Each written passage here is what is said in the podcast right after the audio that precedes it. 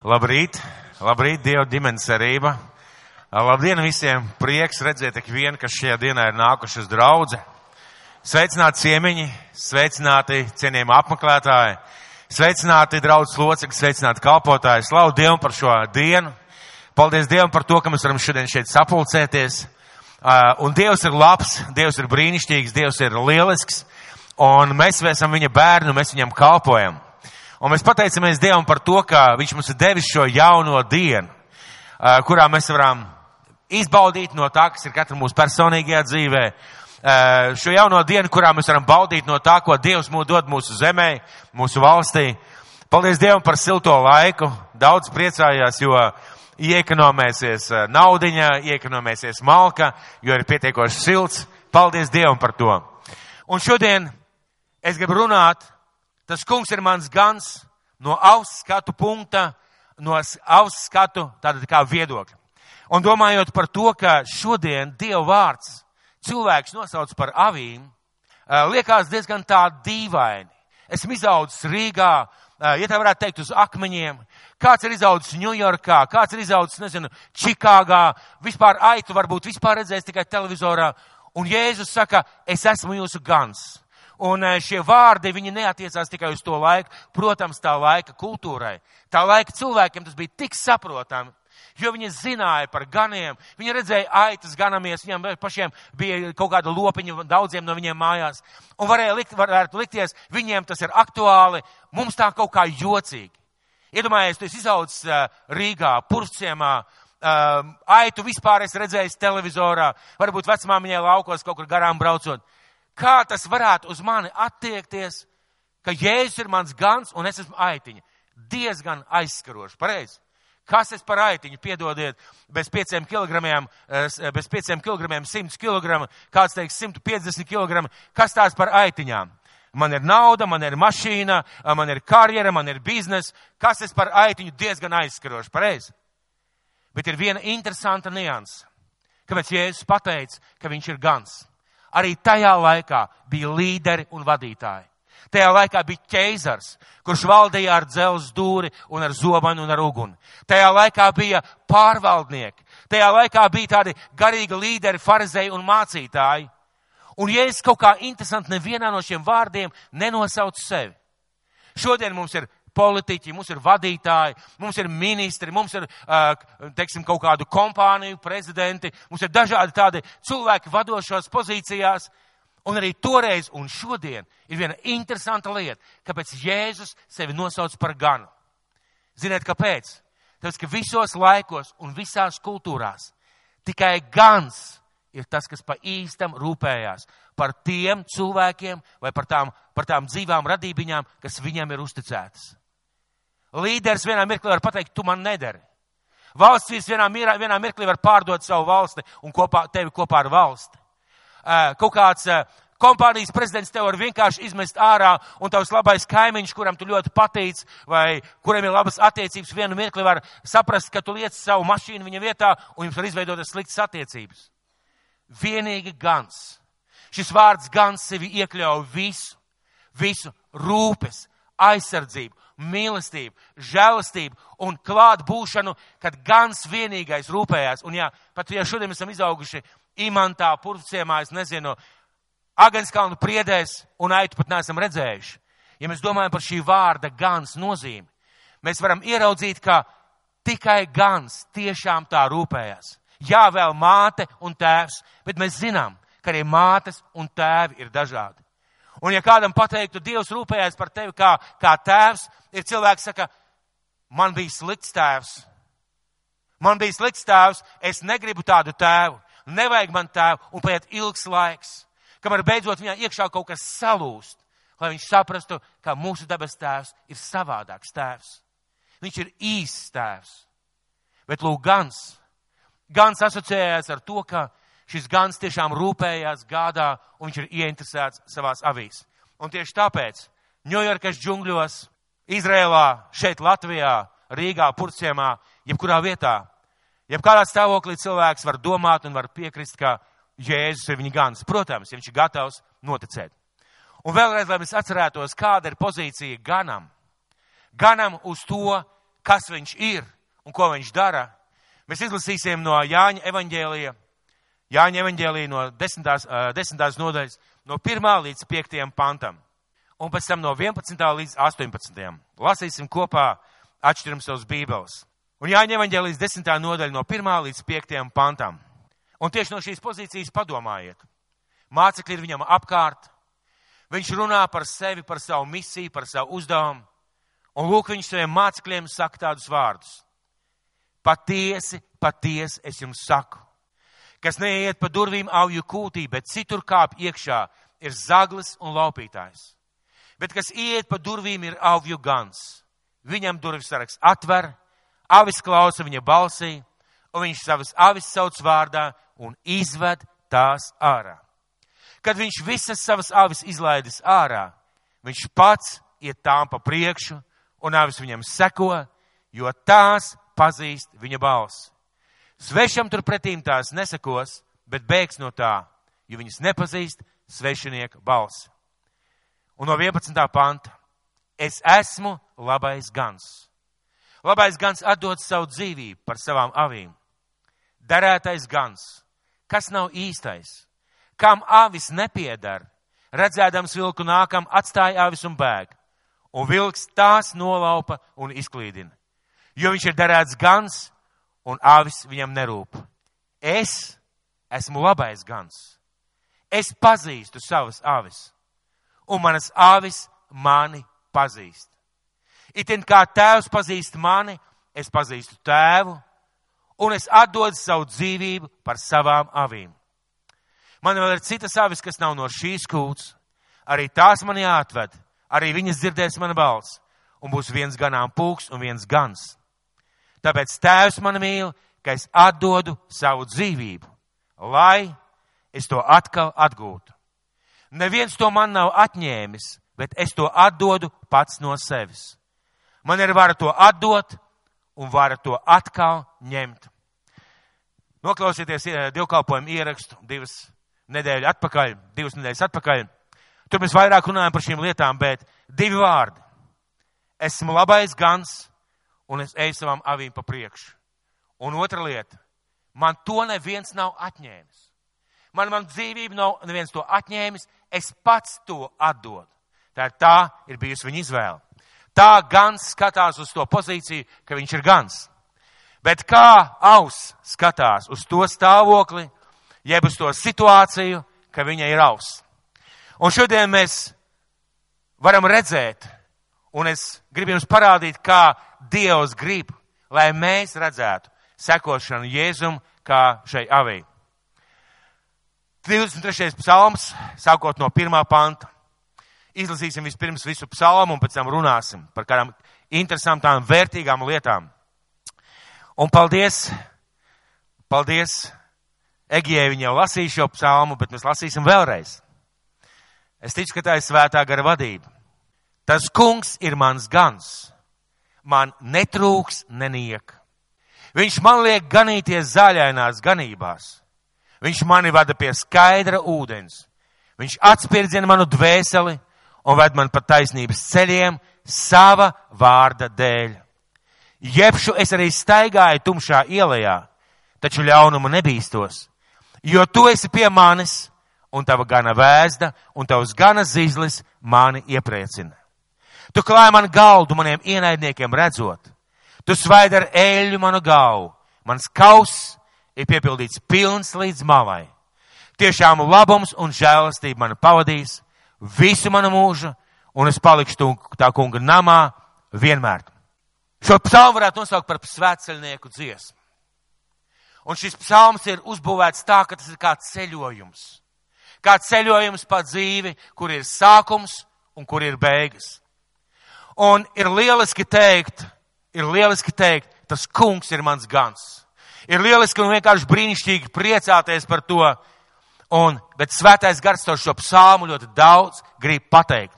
Un ziniet, kas ir interesanti?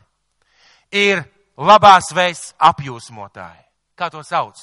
Tas kungs ir mans gans. Man netrūks neniek Un cilvēks apjūsmo šo vēsti. Viņš it kā priecājās, slavu Dievam par to. Viņš it kā uh, dzīvo tajā, it kā priecājās, it kā pateicās un ir laimīgs par to. Bet viņš apjūsmo šo psalmu. Bet ir sekotāji, kas šo psalmu izmanto kā ceļa dziesmu, ejot kopā aiz Kristus. Un tā ir milzīga starpība. Mēs varam apjūsmot Kristus krustu Un paldies Dievam par šo milzīgo krustu, izgaismoto virs mūsu galvas.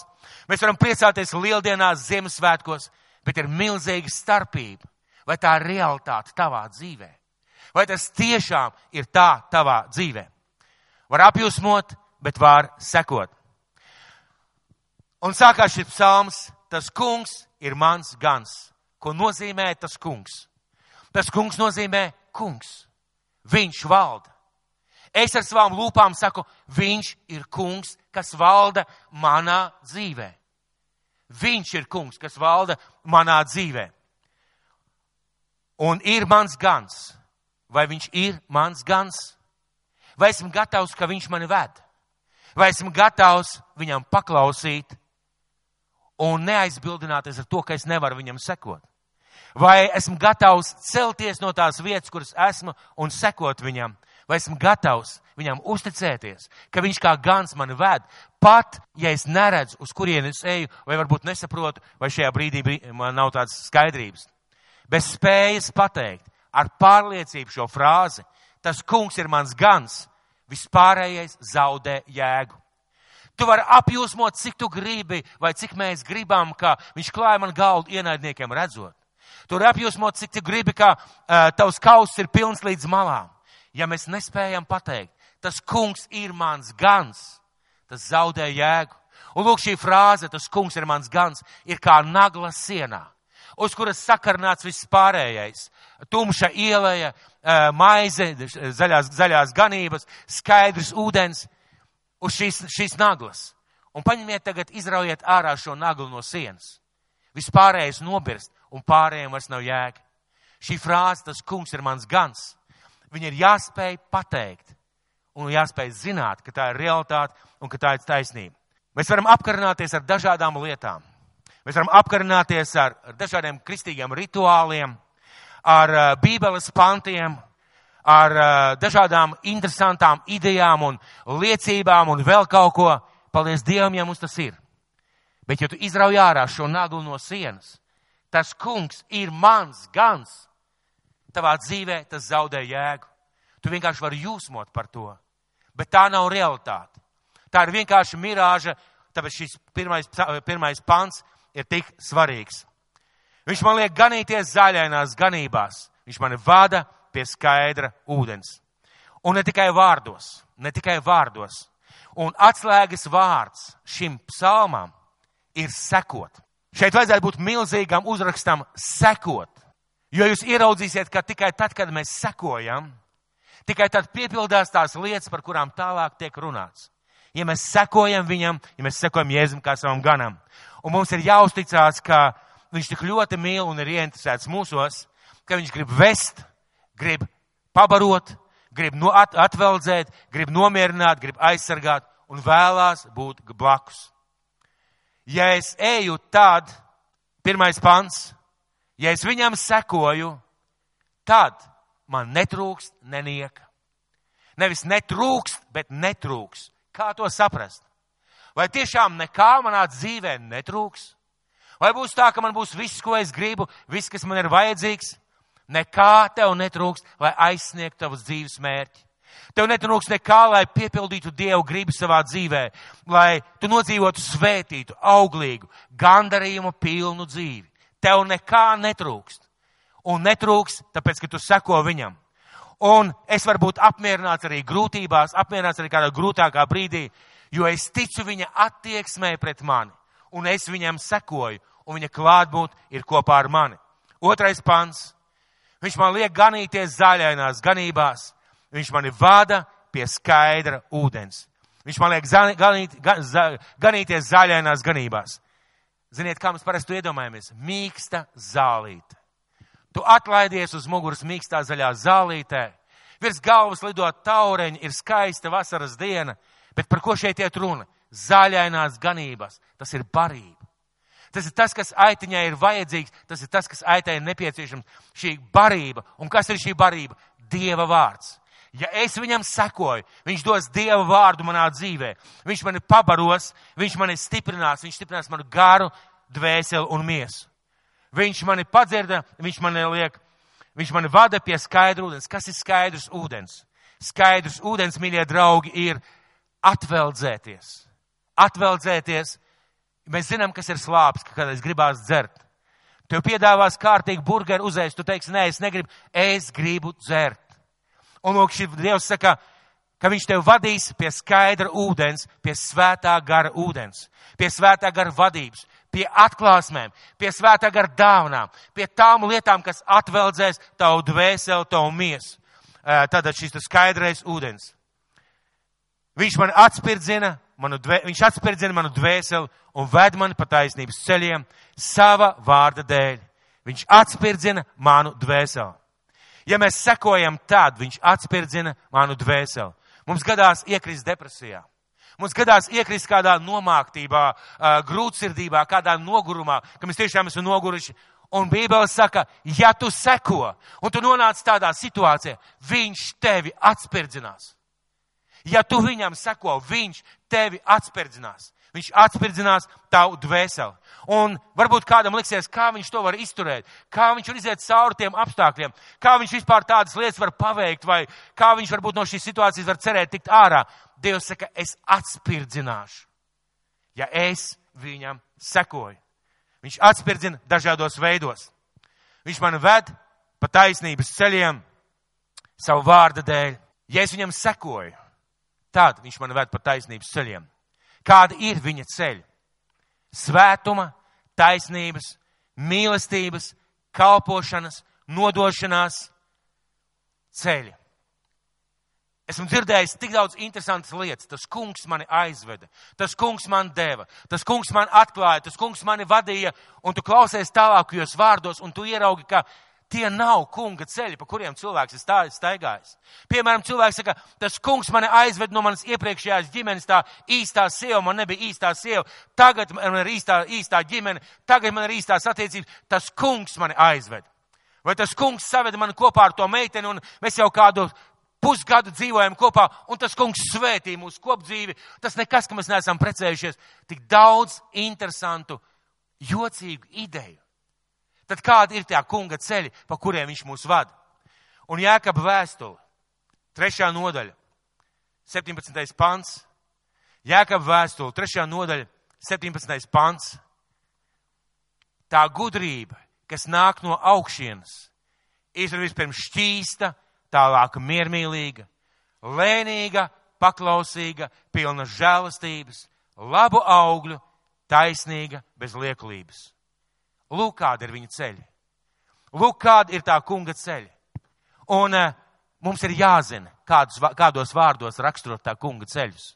Un kad kāds tev saka, tas kungs mani ved, tas kungs mani virza kaut kur, ieliec šos vārdus lēnprātīgi, žēlastīgi, svēta un paskaties, vai tie ir tā kunga ceļi. Kad mēs par kādu runājam, par kādu izsakamies vai kritizējam, padomāsim, vai tie ir tā kunga ceļi.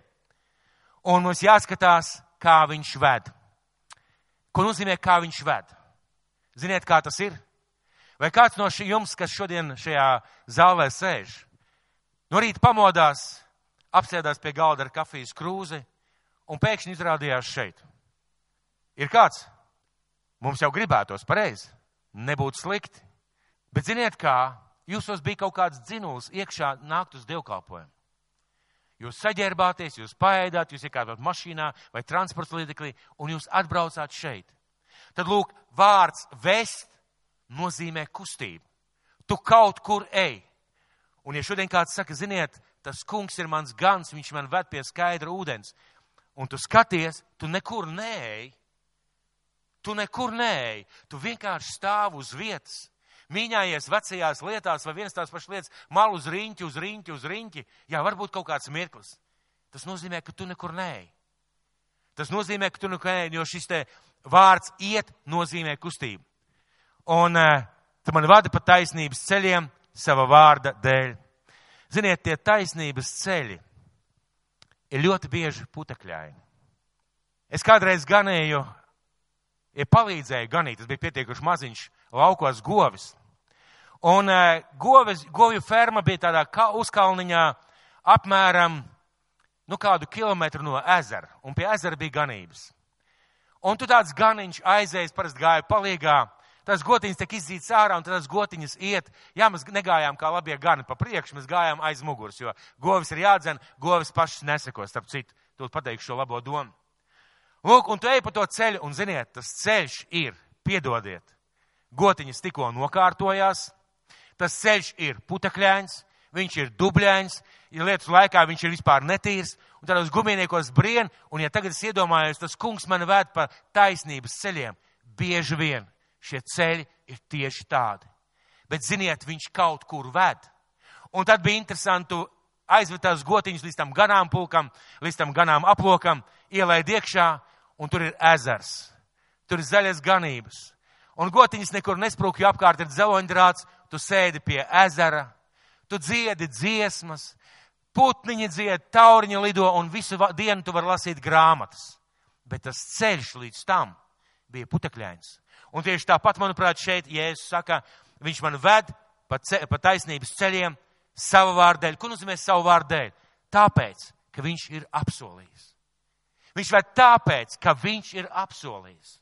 Tāpēc, ka viņš ir teicis, ja tu esi mans bērns, es tevi vedīšu. Un lai kāds tas ceļš nebūtu, ja tu viņam seko, tu kaut kur virzies. Tu nestagnē uz vietas, tu kaut kur virzies. Viņš tev ved pa šiem taisnības ceļiem. Nākošais pants, ceturtais. Jebš es arī staigāju tumšā ielā, taču ļaunuma nebīstos. Tumšā ielā. Cik ļoti mums gribētos, lai mūsu dzīvē nebūtu nevienas tumšas ielas. Cik ļoti mums gribētos, lai tā, mēs kļūstam par Dievu bērniem, mūsu dzīvē ceļš ir rozēm kaisīts. Bet ziniet, doma, kāda doma ir šeit tumšai ielai? Es domāju, ka daudz no mums ir bijuši kādreiz kalnos. Daudz bijuši kādreiz kalnos. Un kalnos ir tādas vietas, kur apakšā ir tikai taciņa, un gar malām ir stāvas sienas. Un liekas, tās sienas tevi nospiedīs. Liekas, tā krēsla, tā puskrēsla, kas valda šajā ielā, viņa tevi burtiski nomāca. Ja šī iela ir dziļa un gara, tas burtiski tevi nomāca, jo tev liekas, ka tevi spiež nost. Un uh, arī šī lieta, kad es staigāju tumšā ielā, taču ļaunumu nebīstos, jo tu esi pie manis. Es ļaunumu nebīstos, jo tu esi pie manis. Uh, un viņš pasargās. Kāpēc kristieši var nebaidīties tumšā ielā? Tāpēc, ka Kristus pasargās. Un būs, un mēs varam nebaidīties. Un uh, ko tas nozīmē? Es uh, varbūt neredzu viņu fiziski, bet ziniet, kad mēs reizēm ejām, mums līdzi iet ēna. Mums līdzi iet ēna, un Kristus tā kā ēna, viņš iet mums līdzi. Un mēs šajā tumšajā ielā varam zināt, viņš ir kopā ar mani. Tieši šobrīd kādas māsas ir cauri kādai smagai nopietnai slimībai. Un pasaulē ir daudz tādu slimību, kur ārsti vairs nedod nekādas garantijas. Un ja tīri cilvēciski skatītos, tas būtu pilnīgs izmisums. Jo ir cilvēki, kas ir jauni, kam ir 30, 25, 40 gadi un atnāk šī ļaunā slimība, un ārste nedod garantijas. Viņi saka, ja viss labi izdosies, varbūt desmit gadi, varbūt pieci gadi, varbūt vēl gads, un tā ir tumša ielē, kurā liekas nav izējas. Bet Dieva bērnam, kurš var pateikt, tas kungs ir mans gans, viņš ir blakus. Viņš ir blakus šajā tumšajā ielā. Viņš ir blakus tajā slimībā. Viņš ir blakus tajā laikā, un tas mums dod šo drošību, un tas mums dod šo pārliecību. Kāpēc? Jo mēs jūtam viņu sev blakus. Un, ziniet, bērniem reizēm ir bail no tumsas. Visiem bērniem bail no tumsas. Bet, kad mazs bērns iet cauri tumsai, cik viņam ir svarīgi turēties tētim vai mammai pie rokas. Zinat, jā? Tad, kad mazi bērni Kad maz bērni ko, reizēm guļ kopā ar tēti un māmu, un ir tādi bērni, kuri neaizmiega, ja tēts mamma nav blakus. Un uh, ir bērni, kuri naktī pamostās septiņas reizes, un ko viņi dara? Vai mamma ar tēti ir blakus? Ja mammas vai tēti nav, tad ir lielais brēciens, un mammai tētim atkal jānāk pie viņa, jo viņš grib just blakus. Un šajā vietā, šajā vietā, Jēzus saka, es esmu blakus, pat tumšā ielā. Ja es viņam sekoju, ja es viņam sekoju, tad kas man šajā tumšajā ielā iepriecina? Tava gana vēzda un tavs gana zīzlis man iepriecina. Kas ir gana vēzda? Aizsardzības rīks. Aizsardzības rīks, ar ko gans aizsargājās no vilkiem, no kaut kādiem laupītājiem. Tāda neliela runga, un uh, viņš aizsargājas šīm lietām, un gana zīzlis. Gana zīzlis ir tas, ar ko gans rūpējās par aitiņu. Jūs daudz redzējuši bildēs vai fotografijās, ziniet, tāds garš tievs koks ar tādu līku galu. Līks tāds gals. Esat redzējuši, jā? Ja? Esat redzējuši? Noteikti daudz redzējuši. Ko gans ar to darīja? Viņš aitiņa skrien uz turieni, viņš aiztiksēja viņu un ievelk atpakaļ ganāmpulkā. Aitiņa iekrīt kaut kādā aizā un kalnos, tas bieži gadījās. Gans viņu aiztiksēja ar to tur un izvelk viņu ārā. Un šis te cilvēks, kas var pateikt, tas kungs ir mans gans, viņš saka, mani tas iepriecina. Es esmu tumšā ielā, bet es zinu, viņš mani aizsargā un viņš mani izvelk. Viņš mani vada, viņš kopā ar mani, un tas viņu iepriecina. Piektais pāns. Tu kāji man galdu maniem ienaidniekiem redzot. Tu kāji man galdu maniem ienaidniekiem redzot. Pamēģiniet iedomāties to ainu. Un viņš kā rūpīgs apgādātājs Un viņš saka šajā vietā, ka viņš apgādās visu vajadzīgajā līmenī. Ko nozīmē apgādās vajadzīgajā līmenī? Man gribētos, tas kungs klāja man galdu. Nu, tur ziniet, kas ir virsū? Kurma. Tur ir kūkas virsū, tur ir čipši virsū, tur ir Coca-Cola virsū. Tas kungs klāja bagātīgu galdu. Pareizi? Un visa draudz teica āmen. Bet tas kungs uzliek auzu putru. Ziniet, kāpēc? Jo tas kungs zina, ka kurma, Coca-Cola plus kūkas sabojāta veselība. Un, piemēram, kas ir ko vislabāk no rīta ēst? Sporta ārste, ārsts saka, vislabāk ir auzu pārslu putra. Un kad šis psalmis saka, viņš klāja man galdu, viņš nedomā, ka kūku nebūs. Bet viņš saka, ka uz galda būs tas, kas mani spēcina, kas mani stiprina, kas mani iedrošina. Pat sportisti ēd šo te, ēd putru no rītiem. Svarīgi visā tajā aitiņas dzird gana balss. Paldies kādai māsai, viņa mājas grupā padalījās. Izrādās aitas ir dzīvnieki, kas ļoti, tiešām ļoti iemācās dzirdēt gana, jeb saimnieka balss. Izrādās, viņš ir viens no tiem dzīvniekiem, kas burtiski paklausa dzirdot saimnieka balss. Un viņa stāstīja, ka viņa kādreiz ir ganījusi aitas. Un šīs aitiņas viņu klausījušas uz vārdu, un ja kāds cits vēl pienācis pie šī te aploka vai ganāmpulka, runājis, aitas, kas tas tāds ir? Paskatās, ieblējās un ēd tālāk. Kad viņas jau teikusi, meitenes mājās, meitenes mājās, viņas viss strīpiņā, tik, tik, tik, tik, tik, tik, tik paplok uz mājām, uz kūti. Aitas dzird gana balss. Ja viņas seko. Ja viņas seko. Lūk, tad klāj man galdu maniem ienaidniekiem redzot. Un ziniet, ko Bībele saka? Mums būs ienaidnieki. Mums apkārt būs ienaidnieki. Tie būs apstākļi, tās būs situācijas, Tas būs vēlns, kurš uzbruks mūsu dzīvē. Tie būs nelabvēļi, tie būs kritiķi, tie būs noniecinātāji, un pat mūsu kļūdas var būt mūsu šie te pretinieki. Bet viņš vienalga klāja. Pamēģiniet iedomāties. Kāds cilvēks ir nelabvēlis jums. Mēs zinām, ka ir tādas situācijas, ka darbā, tāpēc, ka jūs esat kristietis, tāpēc, ka jūs ticat Dievam, tāpēc cilvēki reizēm ir nelabvēlīgi pret kristiešiem. Nu, tādi jocīgie, tādi dīvainie, un vēl kaut kādu nedzara šņābi un viss pārējais. Un viņi kā nelabvēļi. Esmu dzirdējis tik daudz liecības, ka cilvēki par spīti nelabvēļiem nāk un raksta pateicības. Jo kristietis labi cenšas strādāt. Kā priekšniecība atzīmē šo cilvēku kā, kā lielisku, brīnišķīgu darbinieku un paaugstina amatā. Un ziniet, kas notiek? Tur tā, tavā kolektīvā sēž cilvēki, kas gribētu tevi iedzīt zemē bet tas kungs klāja galdu taviem ienaidniekiem redzot. Tas ir fantastiski, pareizi. Un tie ienaidnieki gribētu tevi iznīcināt vai kaut kādā veidā iedzīt zemē, bet tas kungs klāja galdu, ja tu viņam seko. Un kas ir interesanti, pat mūsu kļūdas reizēm var būt mūsu ienaidnieki. bet Kristus vērš mūsu kļūdas mums par labu. Ja es sekoju, ja es viņam sekoju, tad nākušais pants, tu svaidi ar eļu manu galvu. Ja es viņam sekoju, tad viņš svaida mani galvu ar eļu. Ko nozīmē šī eļa? Sevišķa izredzētība un žēlastība. Svētā gara svaidījums dzīvei, kalpošanai, visām tām vajadzīgajām lietām. Gudrība, dāvanas, saprašana un vadība. Viņš svaida manu galvu ar eļu un visai manai miesai, dvēselē un garam. Mans kauss ir piepildīts pilns līdz malai. Mans kauss, patiesībā tas ir tā kunga kauss.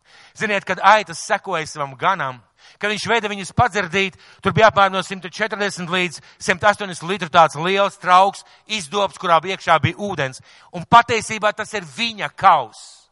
Bet, ja tu seko, tas kļūst par tavu kausu. Un šis kauss nav pašā dibenā. Tur nav kaut kādas mielas vai, vai kaut kas, uh, teiksim, kaut kāds sapelējis ūdens iekšā. Viņš ir piepildīts ar dzīdru ūdeni līdz malām. Un Bībele saka šajā vietā, ka es varu dzert, cik es gribu. Līdz malām nozīmē, es varu dzert, cik man ir vajadzīgs. Un tā ir šī atveldze. Tāpēc, ka viņš ir mans gans. Un tāpēc, ka viņš pilda to, ko viņš ir solījis. Un tāpēc, ka esmu viņa aus. Un tāpēc, ka es viņam sekoju. Ja es viņam sekoju, tad sastais pants. Tiešām labums un žēlastība man pavadīs visu manu mūžu. Ja es viņam sekoju, ja es viņam sekoju no gana, kas mani ved, pa tiem ceļiem, kas ir mani, bet patiesībā viņi. Padomājiet paši. Mūžus lūdz tādu lietu, kungs, atklāja man savus ceļus, lai es tevi pazītu varu. Vai kāds cilvēks vispār var izkla, izprast Dieva ceļus? Izprast pilnībā Dievu nav iespējams. Un ziniet, ko es domāju?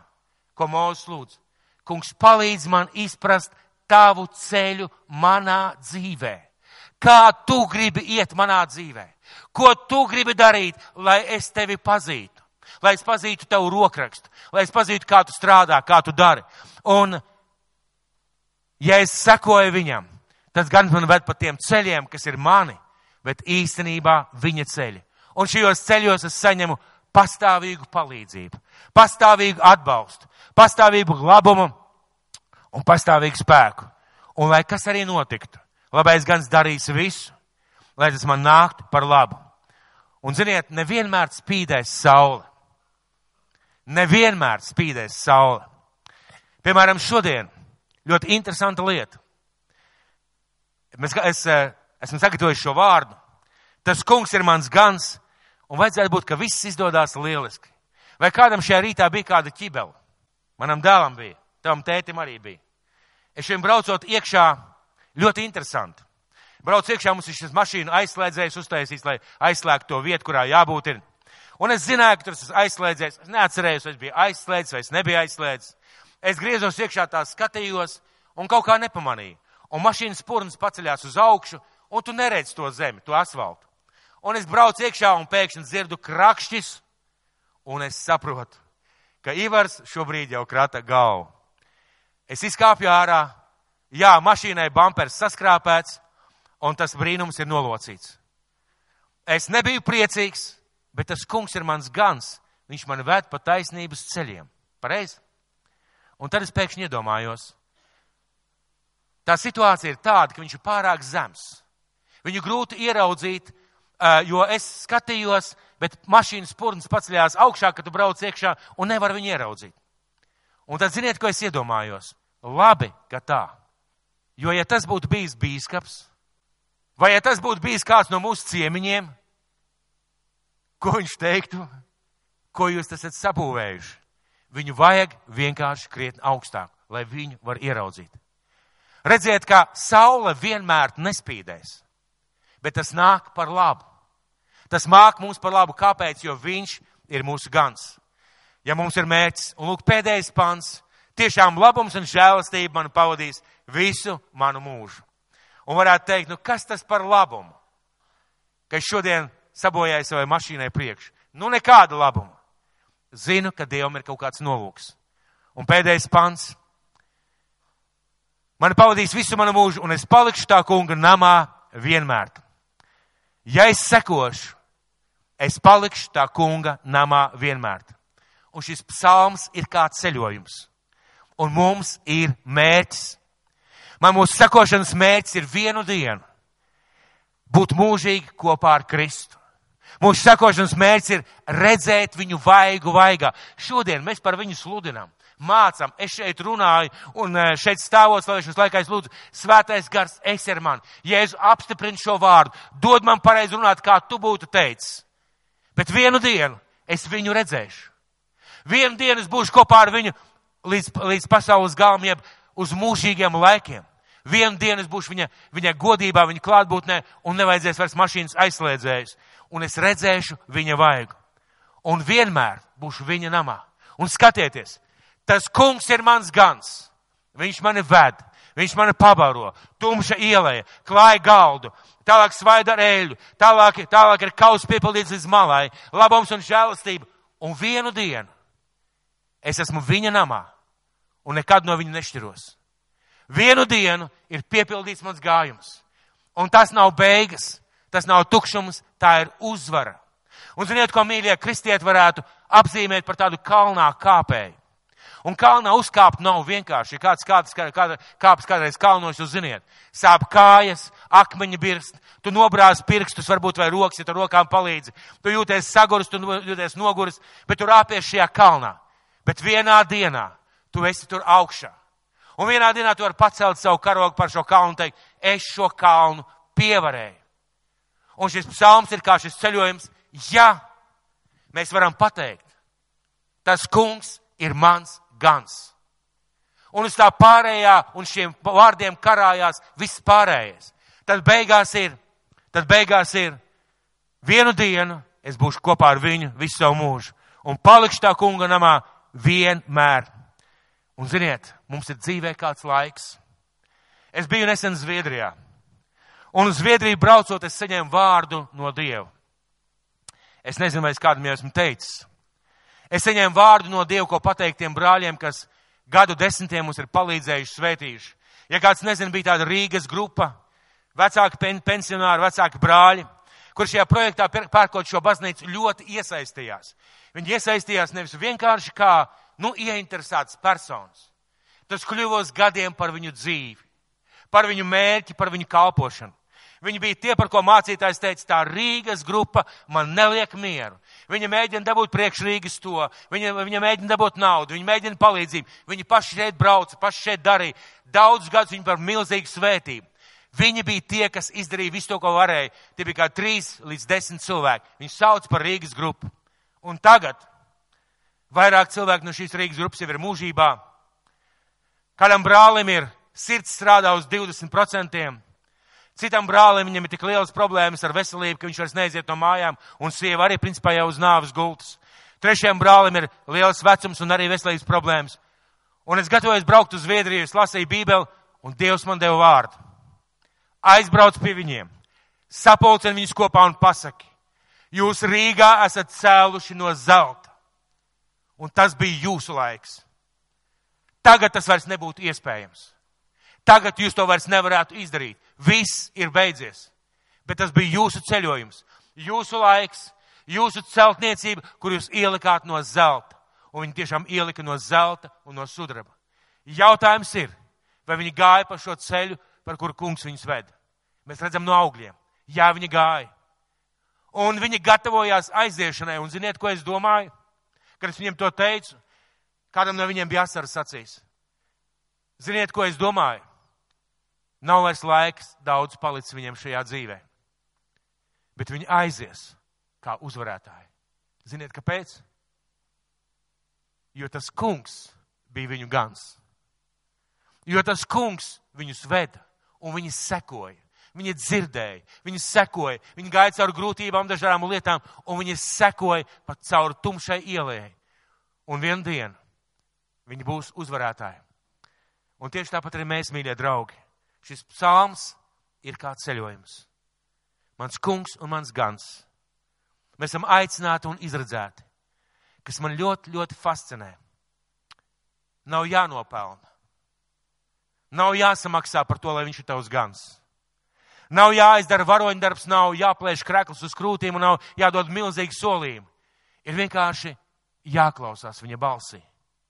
Jāpieņem, ka viņš ir tavs kungs un tavs gans. Un tad jāsako pa tiem ceļiem, pa kuriem viņš tev ved.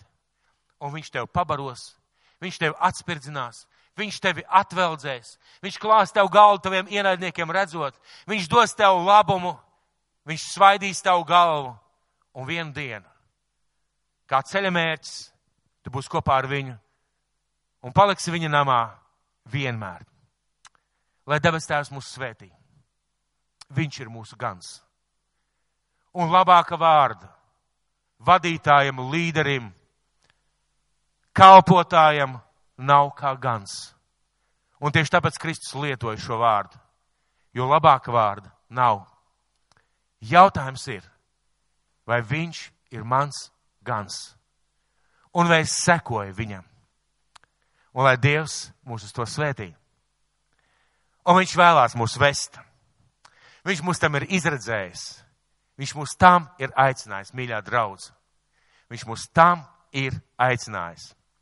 Un paldies Dievam par to, ka mēs varam iet tādā veidā kopā ar viņu. Un mēs esam tuvojušies vakarēdienam.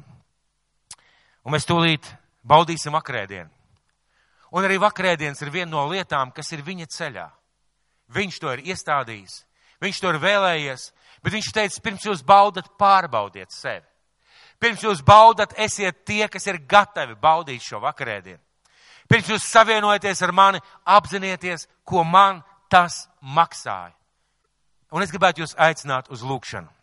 Mīļais dabas tēvs, šodien mēs esam šeit, šajā vietā, un tik daudz no mums nav, nav bijuši gani. Tik daudziem no mums nav bijuši nekādi dzīvnieki, mēs neko neesam ganījuši. Kungs, un uh, mums nav tik labi saprotams tavs vārds, ka tu esi mūsu gans. Bet paldies tev, svētais gars. Paldies tev, svētais gars ka tu atklāji to caur savu vārdu, ka tu atklāji šo savu sirds dziļumu, ka tu atklāji šo vārdu, ko nozīmē gans, ko nozīmē labais gans. Un paldies Tev, Kristu, ka Tu ne tikai runāji, bet Tu arī piepildīji šo vārdu ar savu nāvi un ar savu augšām celšanos. Tu piepildi šo vārdu ar to, ka Tu katru dienu esi kopā ar mums, ka Tu katru dienu mūs stiprini, ka tu esi kopā ar mums šajās bēdīgajās, tumšajās ielās, ka tu mūs vadi, ka tu mūs aizsargā, ka tu mūs pabaro, ka tu mūs padzirdi. Debes tēvs, svētī, ka mēs neesam apjūsmotāji, bet ka mēs esam šī ceļa gājēji, ka mēs esam kungs tavi sekotāji. Un paldies tev, Jēzu, ka tu šodien katram no mums gribi pateikt, ka es esmu tavs gans. Klausi manu balsi, mans bērns. Svētīts tavs vārds. Paldies, tev, kungs. Amen.